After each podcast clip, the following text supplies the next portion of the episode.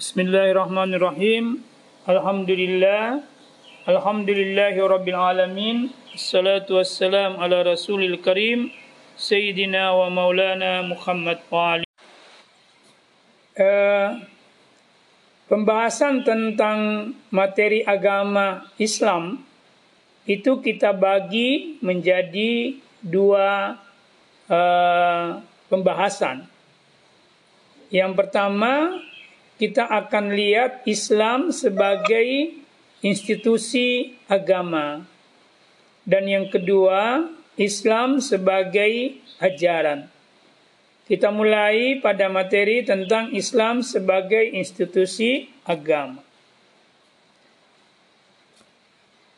Terlebih dahulu, kita akan menjelaskan uh, apa yang dimaksud dengan agama, ya apa yang dimaksud dengan agama. Atau dalam bahasa Arab ad-din. Dalam bahasa Inggris religion. Uh, istilah agama itu berasal dari bahasa Sanskerta. Yakni ah berarti tidak. Jadi kata agama itu berasal dari Sanskerta yang terdiri dari dua kata. A artinya tidak, gama artinya kacau. Jadi agama bermakna tidak kacau. Agama bermakna tidak kacau. Dari makna ini kita bisa memahami bahwa orang yang beragama itu hidupnya akan teratur. Hidupnya tidak kacau. Kemudian kata agama dalam bahasa Inggris disebut religion. Makna kata religion itu penekanannya pada believer, kepercayaan. Jadi uh, karena itu uh, yang ditekankan pada kata religion yang diartikan agama adalah mempercayai Tuhan, mempercayai Tuhan. Jadi itu penekanannya. Maka orang yang disebut beragama cukup ketika dia mempercayai Tuhan, maka dia bisa disebut sudah beragama. Mungkin meskipun dia tidak memiliki agama. Ya. Jadi kalau dia sudah percaya kepada Tuhan, bisa saja dia dinamai beragama meskipun dia tidak memiliki agama. Maka di barat sekarang ini berkembang kepercayaan kepada Tuhan without religion. Dia percaya kepada Tuhan tapi tidak punya agama. Dia tidak Islam, dia tidak uh, beragama Nasrani dan tidak beragama Yahudi, tapi dia percaya kepada Tuhan. Karena memang penekanan kata religion itu adalah kepercayaan atau believer. Nah, kalau kita telusuri kata agama yang digunakan oleh Al-Quran, yakni kata ad-din, maka konotasi maknanya itu lebih sempurna. Dari segi makna etimologis, kata ad-din itu menunjuk makna ikatan, menunjuk makna ketundukan, dan menunjuk makna kerendahan. Dari mana etimologis ini atau makna asal kata ini, kita sudah bisa memahami bahwa di dalam beragama itu ada ikatan antara eh, penganut agama dengan agama yang dianut atau dengan Tuhan yang eh, menurunkan agama. Ada ikatan. Ikatan apa? Ikatan ketundukan, ikatan ketaatan. Yang mana yang taat dan kepada siapa dia taat? Dia yang taat itu adalah manusia karena dia berada dalam kerendahan dan taat kepada Tuhan sebagai pengatur dan penurun agama karena Tuhan itu berada dalam ketinggian. Jadi yang rendah yang taat kepada yang tinggi dan eh, ketaatan itu menjadi sebuah ikatan yang kuat antara yang berkuasa dengan yang dikuasai, antara yang tinggi dengan yang yang rendah. Nah, pemahaman ini akan lebih jelas kalau kita melihat makna kamus atau makna leksikologis dari agama. Yakni pertama kata ad-din itu berarti agama itu sendiri. Dan agama itu merupakan berisi aturan-aturan syariat yang telah ditetapkan oleh Allah Subhanahu wa taala. Nah, kedua kata din berarti kepercayaan. Artinya apa? Dalam aturan-aturan agama ada satu aturan pokok yang disebut dengan kepercayaan atau keyakinan kepada Tuhan. Kemudian kata ad-din juga berarti ibadah. Berarti ada di dalam agama diatur cara tata cara beribadah kepada Tuhan sebagai pembuat syariat agama. Kemudian ada namanya berarti ketaatan, lawan dari kedurhakaan.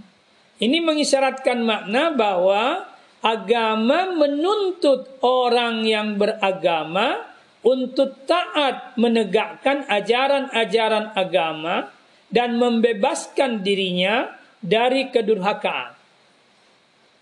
Kenapa didorong ketaatan dan dicegah kedurhakaan? Karena menurut agama ada namanya hari perhitungan atau yaumul hisab di mana di hari perhitungan itu akan ada pembalasan. Pembalasan itu bisa dalam bentuk reward, pahala, bisa dalam bentuk punishment atau eh, hukuman.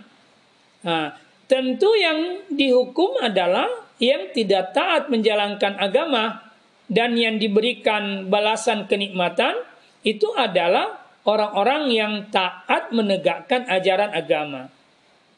Itu kira-kira dalam makna istilah atau makna leksikologis. Kemudian Ibnu eh, Al-Asfahani salah seorang ahli bahasa dan pembuat kamus Al-Quran, dia mengatakan kata adin itu digunakan untuk menunjuk sebuah ketaatan dan pahala. Juga menunjuk makna syariat serta ketaatan dan ketundukan kepada syariat. Nah, pernyataan Al-Aspahan ini menguatkan apa yang kita bahas dari segi bahasa tadi. Dari makna kebahasaan lebih dalam dikemukakan oleh Ibnu Mansur yang menulis kitab Lisanul Arab. Nah, di dalam kitab Lisanul Arab itu dijelaskan ada empat makna daripada kata ad-din. Yang pertama dia bermakna menguasai, menetapkan, memerintahkan, memaksa supaya taat. Tentu yang dimaksud di sini yang menguasai adalah Tuhan yang membuat syariat agama atau Allah Subhanahu wa taala. Kemudian dia bermakna yang kedua adalah mentaati, berhikmat dan mengabdikan diri, mematuhi perintah, menyerah kalah serta tunduk di bawah pengaruh dan kekuasaannya. Tentu yang dimaksud yang kedua ini adalah orang yang menganut agama atau manusia yang beragama. Dia mesti taat. Dia harus menghikmat, berhikmat dan mengabdikan diri. Dia mesti mematuhi perintah, berserah diri kepada Tuhan, tunduk di bawah pengaruh kekuasaan Tuhan. Makna yang ketiga daripada kata adin menurut eh, Ibnu Mansur itu adalah syarah atau agama atau undang-undang, norma, aliran, adat istiadat dan tradisi. Nah, dari makna ini kita bisa pahami bahwa agama atau adin itu adalah sebuah syariat, sebuah undang-undang, sebuah norma, ya, sebuah norma yang harus ditegakkan menjadi adat istiadat atau menjadi tradisi dalam kehidupan. Jadi agama itu membentuk tradisi, agama itu membentuk adat istiadat, agama itu membentuk budaya. Nah, itu. Nah, makna yang keempat adalah dari kata adin itu adalah balasan, ganjaran, pengadilan atau perhitungan. Itu yang saya jelaskan tadi bahwa orang yang taat akan mendapatkan reward berupa pahala atau balasan atas kebaikan dan ketaatannya, sementara orang yang durhaka, yang ingkar itu akan mendapatkan eh, hukuman. Semua ini adalah hasil dari sebuah pengadilan atau perhitungan yang disebut di hari kemudian dalam istilah Islam yaumul hisab, hari perhitungan. Kesimpulannya, di makna agama itu bisa kita simpulkan bahwa agama itu memiliki empat unsur yang mesti hadir di dalam beragama. Pertama, ada penguasa ada pemberi syariat, ada sumber syariat. Siapa? Yakni Allah. Yang kedua, ada aturan atau norma syariat, yaitu agama itu sendiri atau isi agama itu sendiri yang mesti diikuti. Unsur yang ketiga di dalam dari kata adin itu ada kepatuhan, ada ketaatan ada ketundukan terhadap Allah atau terhadap agama yang dianut. Yang keempat, ada balasan berupa pahala atau reward dan berupa hukuman. Itu kira-kira makna kata ad-din. Ya, itu kira-kira makna kata ad-din. Nah, mari kita lihat bagaimana Al-Qur'an melihat atau menggunakan kata ad-din ini di dalam hubungannya dengan kata Islam. Ya, uh, insya Allah nanti akan saya jelaskan Islam itu apa. Tapi kita lihat dulu Islam ada dalam pengertian institusi agama. Di dalam Al-Quran, di dalam surah ketiga ayat 19, Allah berfirman, Inna dina indallahil Islam. Sesungguhnya agama di sisi Allah yang benar, yang benar adalah Islam. Jadi kita terjemahkan ayat ini, agama di sisi Allah yang benar adalah Islam. Yang mana yang dimaksud Islam sebagai institusi agama? Yakni Islam yang dibawa oleh Nabi Muhammad sallallahu alaihi wasallam setelah diangkat menjadi nabi dan menjadi rasul. Maka ketika Nabi sudah diangkat, Nabi Muhammad Shallallahu Alaihi Wasallam sudah diangkat menjadi Nabi dan Rasul, dan dia diutus untuk seluruh manusia, maka menurut paham saya, agama-agama yang dibawa oleh Nabi dan Rasul sebelumnya, termasuk Nabi Isa dan Nabi Musa yang membawa agama Eh, kepada kaum Yahudi dan kaum Nasrani itu tidak berlaku lagi. Tidak berlaku lagi. Kenapa? Apa alasannya mereka tidak berlaku lagi? Karena masanya sudah selesai. Kapan masanya selesai? Ketika sudah ada nabi dan rasul yang diutus untuk seluruh manusia. Jadi masa kenabian Nabi Isa itu sudah selesai setelah Nabi Muhammad diangkat menjadi nabi dan rasul. Karena sudah selesai, maka orang Nasrani, orang Yahudi atau Bani Israel itu tidak punya alasan untuk tetap mengikuti ajaran Nabi Isa. Tidak ada. Dia harus mengikut ajaran Muhammad. Apalagi Nabi Isa sendiri sudah pernah menyampaikan kepada kaum Nasrani dan kepada Nabi Musa juga sudah pernah menyampaikan kepada kaum Yahudi tentang kabar eh, berita kenabian Muhammad Sallallahu Alaihi Wasallam. Ya, jadi di dalam surah eh, dikatakan itu seperti ini. Eh, Wa Isa bin Maryam ketika Isa ibnu Maryam itu berkata kepada Bani Israel, Ya Bani Israel, Inni Rasulullah ilaikum. Saya ini utusan Allah kepada kalian. Musaddiqan lima baina yadayya.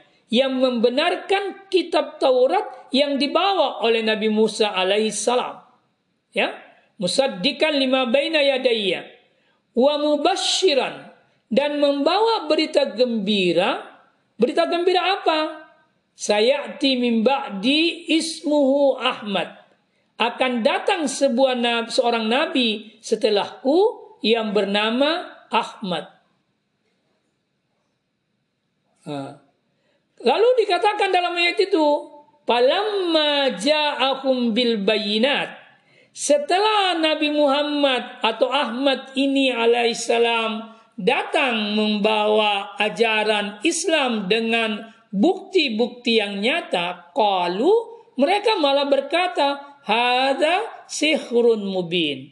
Ini adalah sihir yang sangat nyata. Jadi kaumnya Nabi Isa atau Bani Israel yang diutus kepada mereka banyak nabi termasuk Nabi Isa dan Nabi Musa itu sudah tahu bahwa akan hadir seorang nabi yang bernama Ahmad atau bernama Muhammad. Dan ketika nabi ini sudah membawa bukti-bukti kebenaran akan kenabian dan kerasulan dan kebenaran risalahnya, mereka menganggapnya sebagai sihir. Karena itu sebagian dari mereka tidak taat dan tidak menerima. Tetapi ada sebagian yang lain yang menerima kenabian dan kerasulan Muhammad. Maka dia meninggalkan agama Nasrani dan agama Yahudi. Lalu kemudian dia memeluk Islam. Nah, ini. Ya, Jadi karena itu eh, kita harus yakin bahwa eh, institusi agama yang benar di sisi Allah setelah Nabi Muhammad Sallallahu Alaihi Wasallam itu hanya agama Islam. Di luar Islam tidak benar di sisi Allah.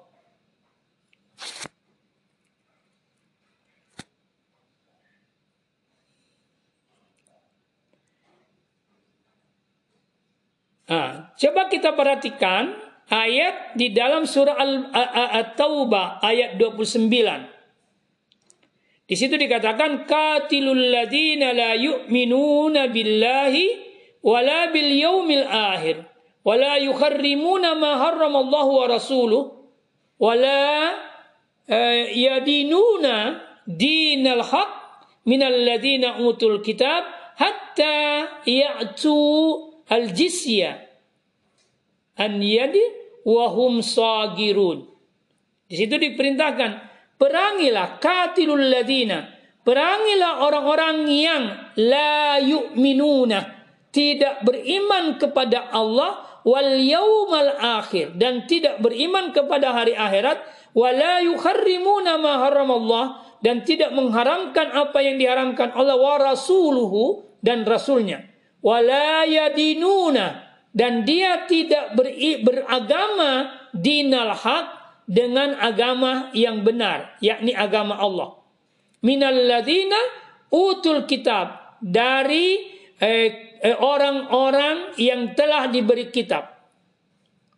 Sampai mereka hatta ya'tul jizya sampai mereka membayar jizyah atau membayar pajak.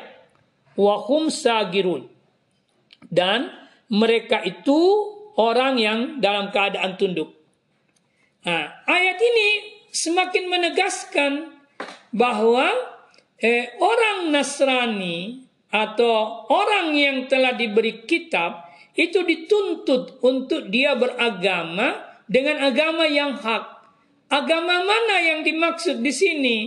Yakni agama yang dibawa oleh Nabi Muhammad. Karena kalimat ma wa rasuluh apa yang diharamkan Allah dan Rasulnya, Rasul yang dimaksud di situ adalah Muhammad Sallallahu Alaihi Wasallam. Jadi orang Nasrani dan orang Yahudi nanti dikatakan dia beriman kalau dia beriman kepada Allah, beriman kepada Muhammad sebagai nabi dan rasul terakhir dan beriman kepada Al-Qur'an yang mengajarkan tentang apa-apa yang diharamkan oleh Allah dan apa-apa yang diharamkan oleh Rasul. Kalau dia tidak beriman kepada Muhammad, meskipun dia beriman kepada Allah dan beriman kepada nabi-nabi sebelumnya, dia tidak beragama dengan benar. tidak dikategorikan orang yang beriman. Karena keimanan kepada Allah tidak boleh dipisahkan dengan keimanan kepada Muhammad. Jadi kalau ada orang Nasrani yang mengatakan saya beriman kepada Isa, tapi saya tidak beriman kepada Muhammad, maka keimanannya batil meskipun dia beriman kepada Allah. Begitu juga kalau ada orang Yahudi berkata, saya beriman kepada Allah dan kepada Musa. Tapi kalau dia tidak beriman kepada Muhammad dan kepada Al-Quran, maka keimanan mereka batil. Tidak benar. Karena keimanan kepada Allah, keimanan kepada Rasul Muhammad, dan keimanan kepada Al-Quran itu adalah syarat mutlak kebenaran keimanan seseorang setelah diutus Nabi Muhammad SAW menjadi nabi dan rasul.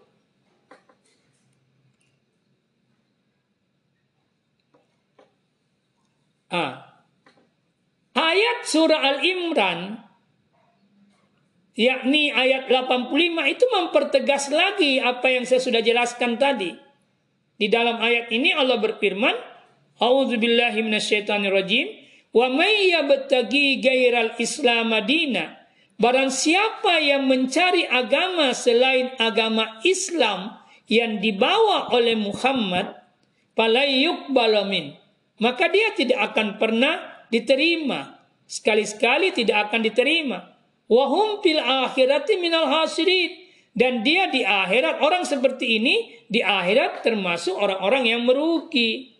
Jadi ayat ini semakin mempertegas bahwa satu-satunya agama yang harus dianut oleh manusia setelah Nabi Muhammad Sallallahu Alaihi Wasallam diutus menjadi nabi dan rasul hanyalah agama atau risalah yang dibawa oleh Muhammad Sallallahu Alaihi Wasallam. Selain risalah yang dibawa oleh Muhammad, tidak lagi berlaku.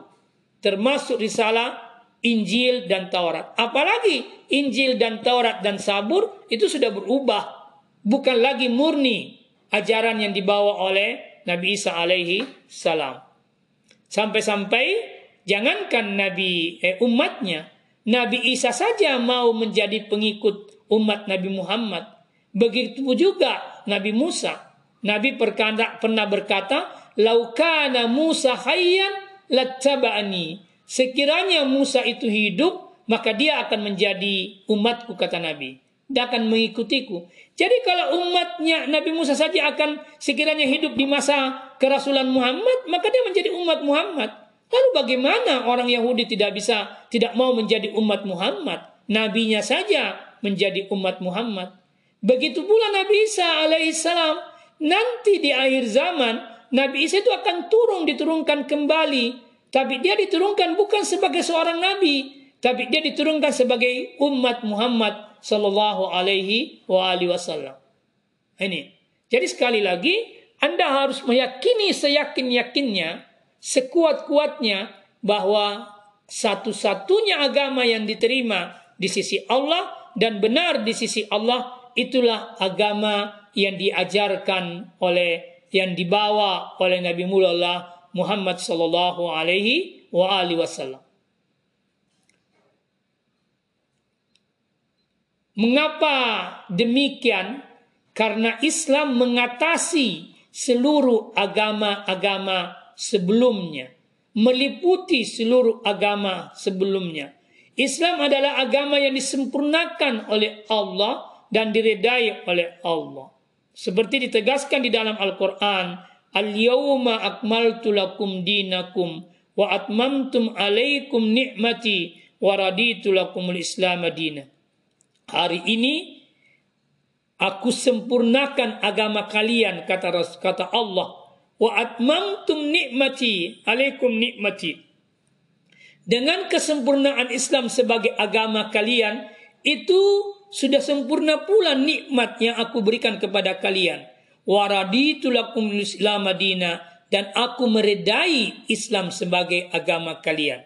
Ayat ini semakin mempertegas ayat-ayat sebelumnya yang menegaskan bahwa satu-satunya agama yang harus dianut oleh seluruh manusia jika ia ingin selamat dalam kehidupannya adalah setelah Nabi Muhammad Sallallahu Alaihi Wasallam diutus menjadi nabi dan rasul adalah Islam sebagai agama atau institusi agama yang dibawa oleh Nabi Muhammad sallallahu alaihi wasallam.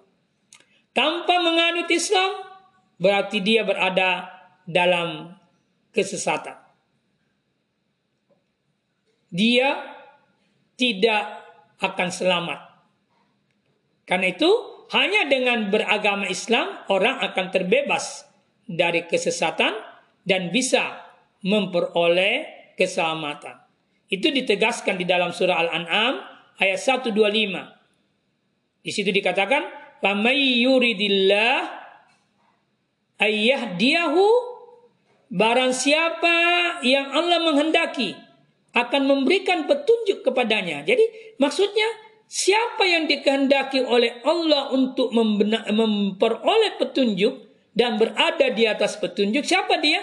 Yasra sadrahu lil Islam orang ini akan dilapangkan dadanya lil Islam untuk dia menganut agama Islam.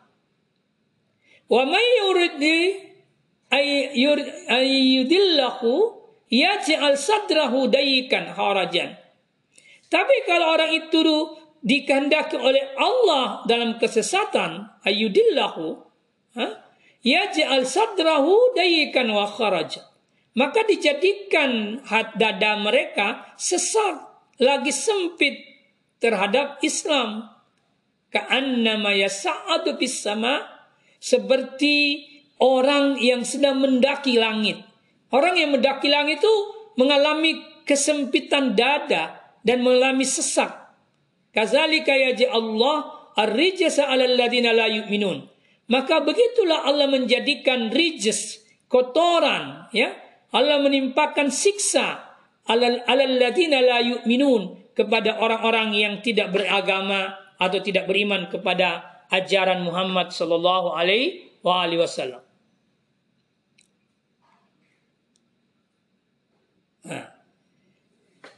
Jadi orang yang beragama Islam atau yang menganut agama Islam itu dipastikan berada di dalam cahaya. Di sisi lain, dia terbebas dari gelapnya kesesatan. Itu juga dijelaskan di dalam surah Az-Zumar. Dikatakan, eh, maka apakah orang-orang yang dibukakan Allah hatinya? Apa man syarahallahu sadrahu lil Islam?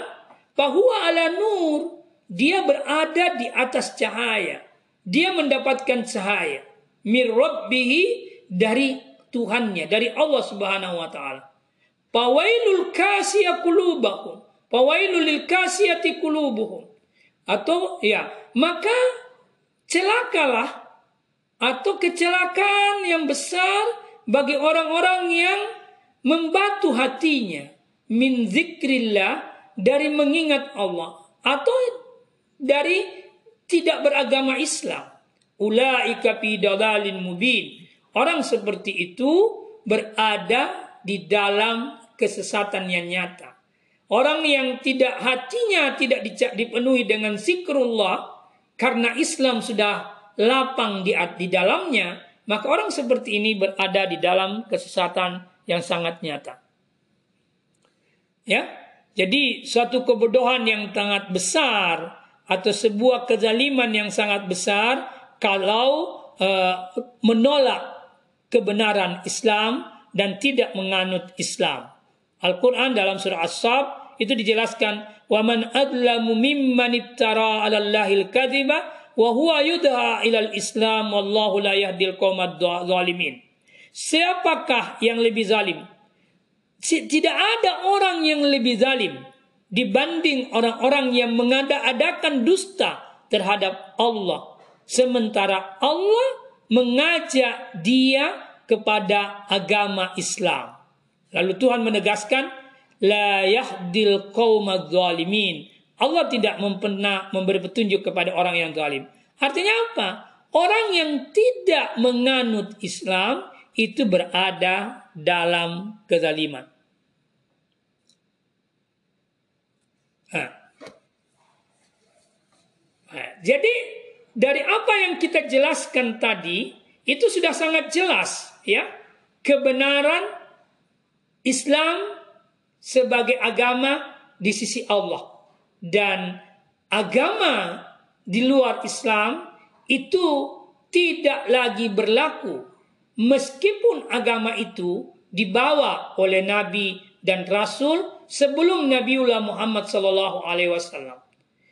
Kenapa? Karena agama yang dibawa sebelum Nabi Muhammad itu tidak berlaku universal. Jadi agama Nasrani itu tidak berlaku universal. Agama Yahudi tidak berlaku. Agama yang dibawa Nuh tidak berlaku secara universal. Agama yang dibawa oleh Nabi Ibrahim tidak berlaku secara universal. Dia berlaku untuk umat-umat tertentu. Maka ketika sudah hadir Nabi yang ajaran agamanya berlaku universal dan diutus untuk seluruh alam semesta, maka agama-agama sebelumnya itu sudah tidak berlaku lagi. Nah, itu itu kesimpulannya. Nah, sekarang kalau kita sudah meyakini bahwa kebenaran Islam, maka Quran mendorong kita memberikan inspirasi yang kuat dan memotivasi kita untuk berislam secara serius. Berislam secara kafah, menyeluruh, holistik, universal. Seperti firman Tuhan di dalam surah Al-Baqarah ayat 208 A'udzu billahi minasyaitonir rajim. Ya ayyuhalladzina amanu. Wahai orang-orang yang sudah mengimani agama Muhammad, agama Islam, agama yang diajarkan oleh Muhammad, udhulu masuklah kalian pisilmi kafah di dalam Islam secara menyeluruh. Wala syaitan innahu lakum mubin dan jangan kau ikuti langkah-langkah setan. Karena setan itu adalah musuhmu yang paling nyata. Proklamasikan, ikrarkan bahwa setan itu adalah musuh. Karena itu jangan diikuti. Karena setan itu akan mengeluarkanmu dari Islam sebagai agama yang benar. Kalau engkau mengikuti langkah-langkahnya. Saya kira uh, inilah yang kita akan bahas, uh, yang kita bahas tentang Islam sebagai institusi agama. Saya kira ini terima kasih. Assalamualaikum warahmatullahi wabarakatuh. Jadi Anda harus paham dulu apa itu Sunni, apa itu Syiah. Anda harus paham benar bahwa baik Sunni maupun Syiah itu adalah mazhab pemikiran, bukan agama. Dia berada dalam lingkaran agama Islam. Maka dua-duanya berada di dalam Islam. Sekarang saya mau tanya, apakah orang Syiah beriman kepada Allah dan Muhammad dan Quran? Beriman. Ustaz. Beriman. Tunggu dulu sebentar. Beriman ya, nanti kau jawab. Beriman ya? Beriman. Apakah Sunni juga beriman kepada Allah, Rasul, dan Quran? Dan hari kiamat? Beriman juga. Ah, maka Sunni Syiah itu sama-sama beriman. Kalau dia beriman kepada Allah dan Rasul, kalau dia beriman kepada Al-Quran, dan tidak ada perbedaan Quran kita dengan mereka, maka tidak ada tidak bisa kita mengatakan dia dia kafir, dia tersesat. Tidak bisa kita mengatakan begitu. Karena rukun rukunnya agama, yakni rukun iman, dia beriman. Dia dia dia dia dia uh, rukun iman dia miliki. Sekarang kita lihat rukun Islamnya. Apakah orang Sia sembahyang? Bersahadat? Puasa? Sakat? Haji? Jawabannya iya. Lalu apa alasan kita mengatakan mereka keluar dari Islam dan tersesat? Hanya karena ajaran-ajaran, pikiran-pikiran tentang nikah muta dan sebagainya? Sekarang kita masuk ke nikah muta. Sekarang saya mau tanya, siapa tadi yang bertanya? Dwi ya? Nah, baik, Dwi saya mau tanya, apakah nikah muta pernah disyariatkan oleh Nabi? Afwan Ustaz, sebelum masanya Nabi memang pernah disyariatkan. Sebelum apa? Sebelum masanya Nabi? Maka dia eh, Nabi pada saat itu sudah mem, apa istilahnya dia mengemukakan hadis tentang pelarangan kembali. Ah, baik.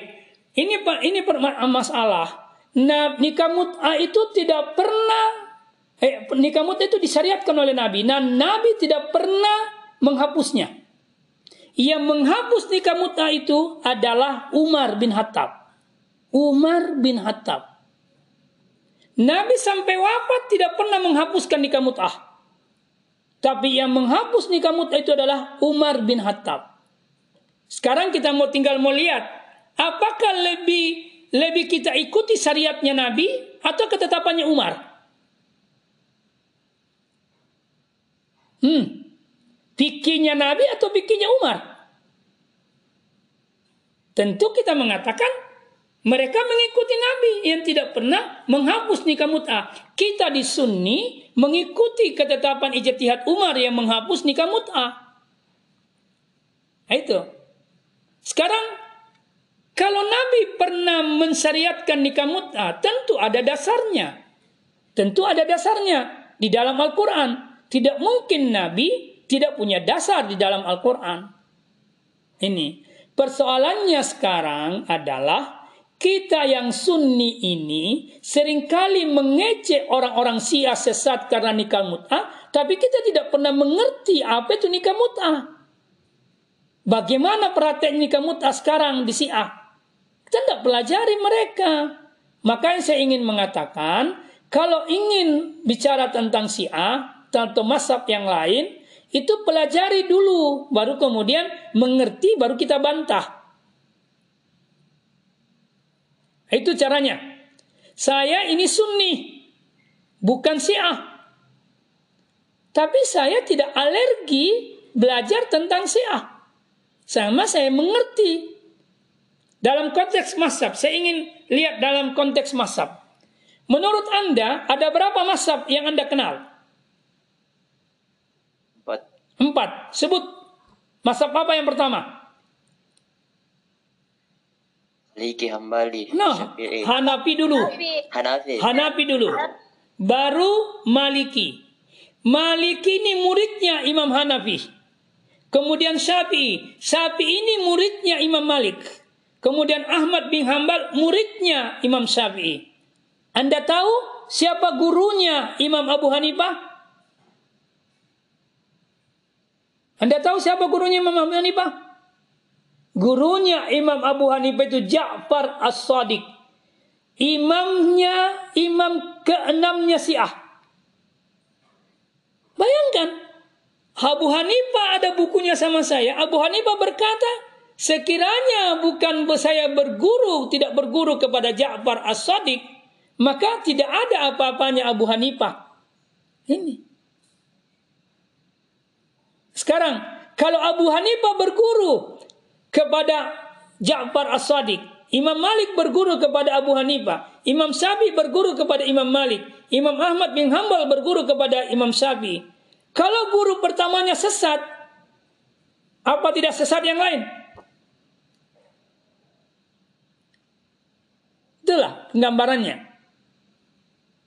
Nah, saya ingin jelaskan bahwa di dalam mazhab Syiah ada juga yang keras yang ekstrim.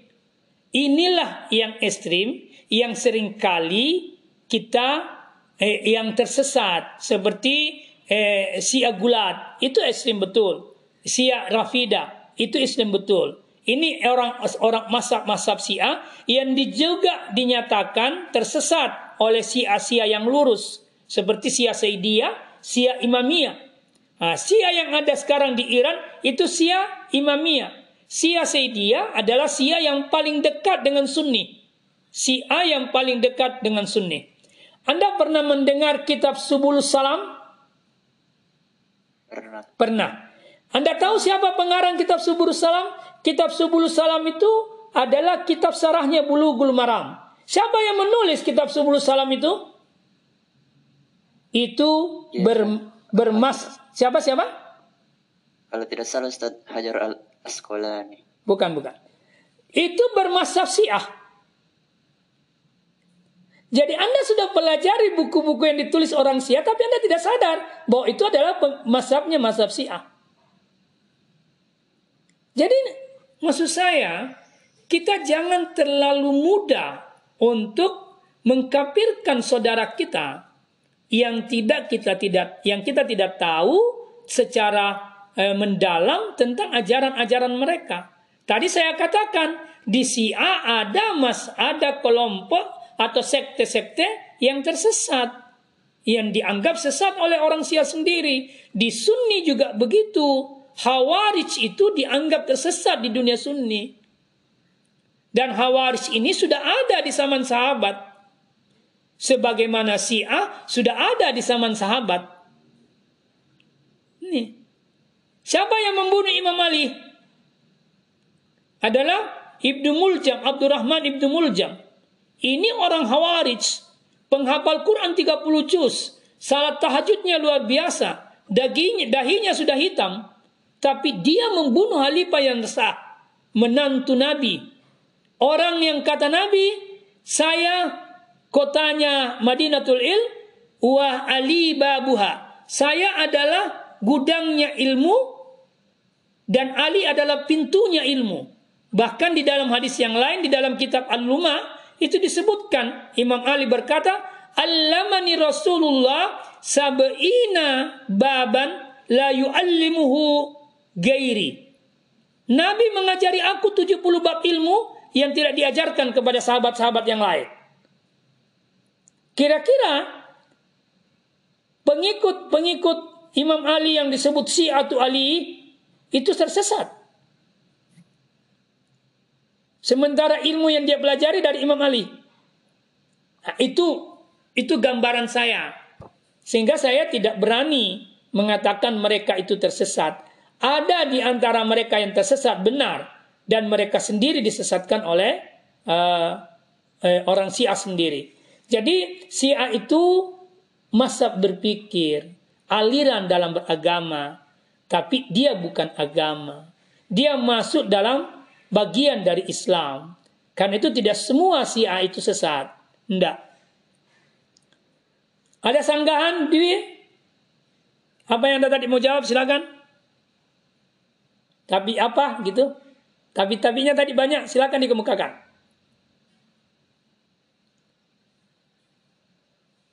Dwi? Berarti Ustaz yang tentang eh, eh, orang-orang Syiah melaknat eh, istrinya Nabi termasuk Aisyah itu Bagaimana Ah, tidak semua Syiah. Jadi tidak semua Syiah itu melaknat istri-istri Nabi. Tidak. Itu yang dimaksud Syiah Rafidah tadi. Itu yang dimaksud Syiah gulat, Syiah yang ekstrim. Itu yang melaknat, itu yang dianggap sesat oleh orang Syiah sendiri. Jadi orang Syiah sendiri melaknat me, me, menganggap tersesat orang-orang seperti itu. Jadi Syiah yang begitu yang tersesat, tapi tidak semua Syiah melaknat istri para nabi. Enggak.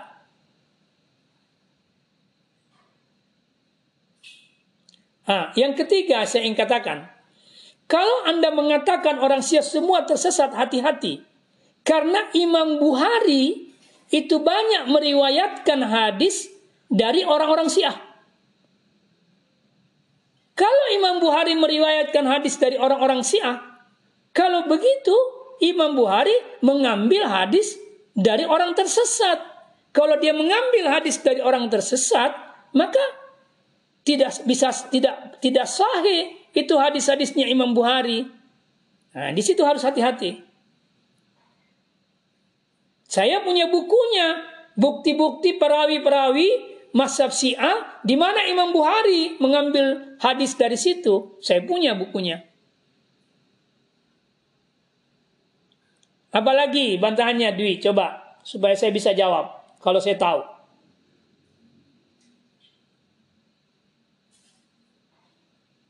Apalagi?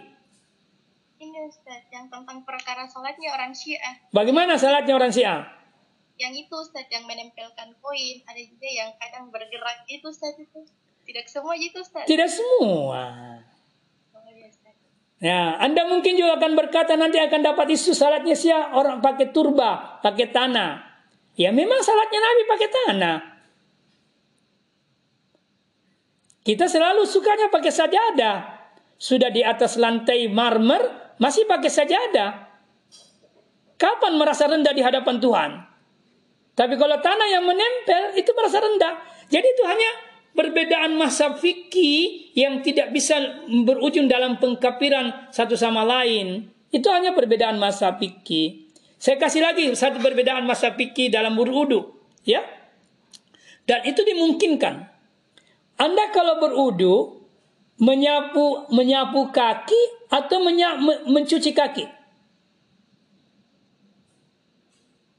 Mencuci kaki. Mencuci kaki. Anda mencuci kaki kan? Sebagian atau seluruhnya? Dari sampai mata kaki. Sampai mata kaki. Nah, coba baca ayatnya. Di situ ayatnya gini. Eh, Idza kuntum ila shalah pagsilu wujuhakum. Kalau kau ingin salat maka cucilah mukamu, ya kan? Wa aidiakum ilal marafiq. Cucilah kedua tanganmu sampai sikumu. Lalu disebut wamsahu biruusikum. Sapulah kepalamu. Binya, binya, binya di situ Imam Sapi mengartikan tabeid, sebahagian dari kepalamu. Wamsahu biruusikum wa arjulik atau wa arjulah. Wa arjulakum. Nah, kalau Anda baca wa arjulakum, maka Anda kembalikan wawunya ke bagasilu wujuhakum wa aidiakum wa arjulakum. Maka kakimu kamu kakimu kamu cuci, bukan kamu basuh. Itu mazhab yang dianut oleh Sunni. Syafi'i dan sebagainya. Tetapi orang Syiah memahami wamsahu biruusikum wa arjuli bukan wa arjula. Li-nya kata arjul itu dikembalikan kepada ruus. Dan dalam kaidah bahasa Arab ini yang paling benar. Karena ini yang paling dekat. Makanya orang Syiah kalau dia berudu dia tidak cuci kaki. Dia hanya menyapu kakinya, itu pun tidak seluruhnya, hanya sebagian.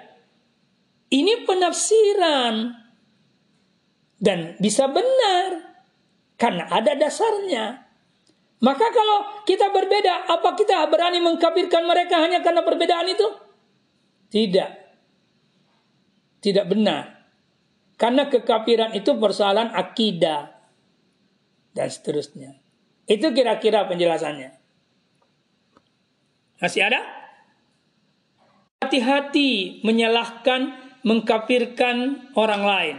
Karena saya ingin men, men, apa, mengemukakan satu perkataan daripada uh, Mufti Syafi'iyah di Mekah, yakni Syekh Said Al-Yamani dia berkata, "Idza zada nazrul rajuli wa tas'a fikruhu kalla inkaruhu 'alan nas." Kalau pandangan seseorang itu bertambah luas, bertambah ilmunya bertambah, wattasa'a fikruhu, pikirannya luas, kalla ingkaruhu, maka sedikit pengingkaran dan penolakannya terhadap manusia. Dalam bahasa yang lain, bahasa hikmah yang lain dikatakan, man kasura ilmuhu kalla ingkaruhu. Barang siapa yang banyak ilmunya, maka sedikit dia mengingkari dan menyalahkan orang lain. Sebaliknya, man kalla ilmuhu, barang siapa yang sedikit dan dangkal ilmunya, kasura ingkaruhu, maka dia pasti banyak menyalahkan dan membantah orang lain. Tugas kita belajar dan belajar sampai kita bisa mengerti mengapa orang lain berbeda pendapat dengan kita. Itu kan tadi dikatakan bahwa orang si eh, orang Sia itu kan tidak eh, semua sama, iya. tidak semua eh, sesat toka eh Ustad. Iya. Eh, jadi pertanyaanku Ustad, eh, mengapa dari eh, eh, golongan Sia itu bisa memisah kayak begitu ya, Ustad? Kenapa tidak satu kesatuan nih begitu? Kenapa berbeda-beda ya Ustad? Di, di Sunni juga berbeda-beda Nanda. Di Sunni ada ada Hawarij, ada Murji'ah, ada Qadariyah, ada Mu'tasilah. Berbeda. Ada bahkan di As'ari, As'ari saja ada As'ari eh, Maturudiyah nah, dan seterusnya. Jadi itu sekte. Itu aliran yang banyak. Maka apa yang ter, aliran yang banyak di Sunni itu juga banyak di Syiah. Seperti itu.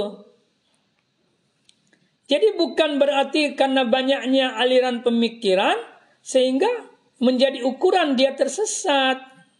Di Sunni juga begitu. Itu kira-kira.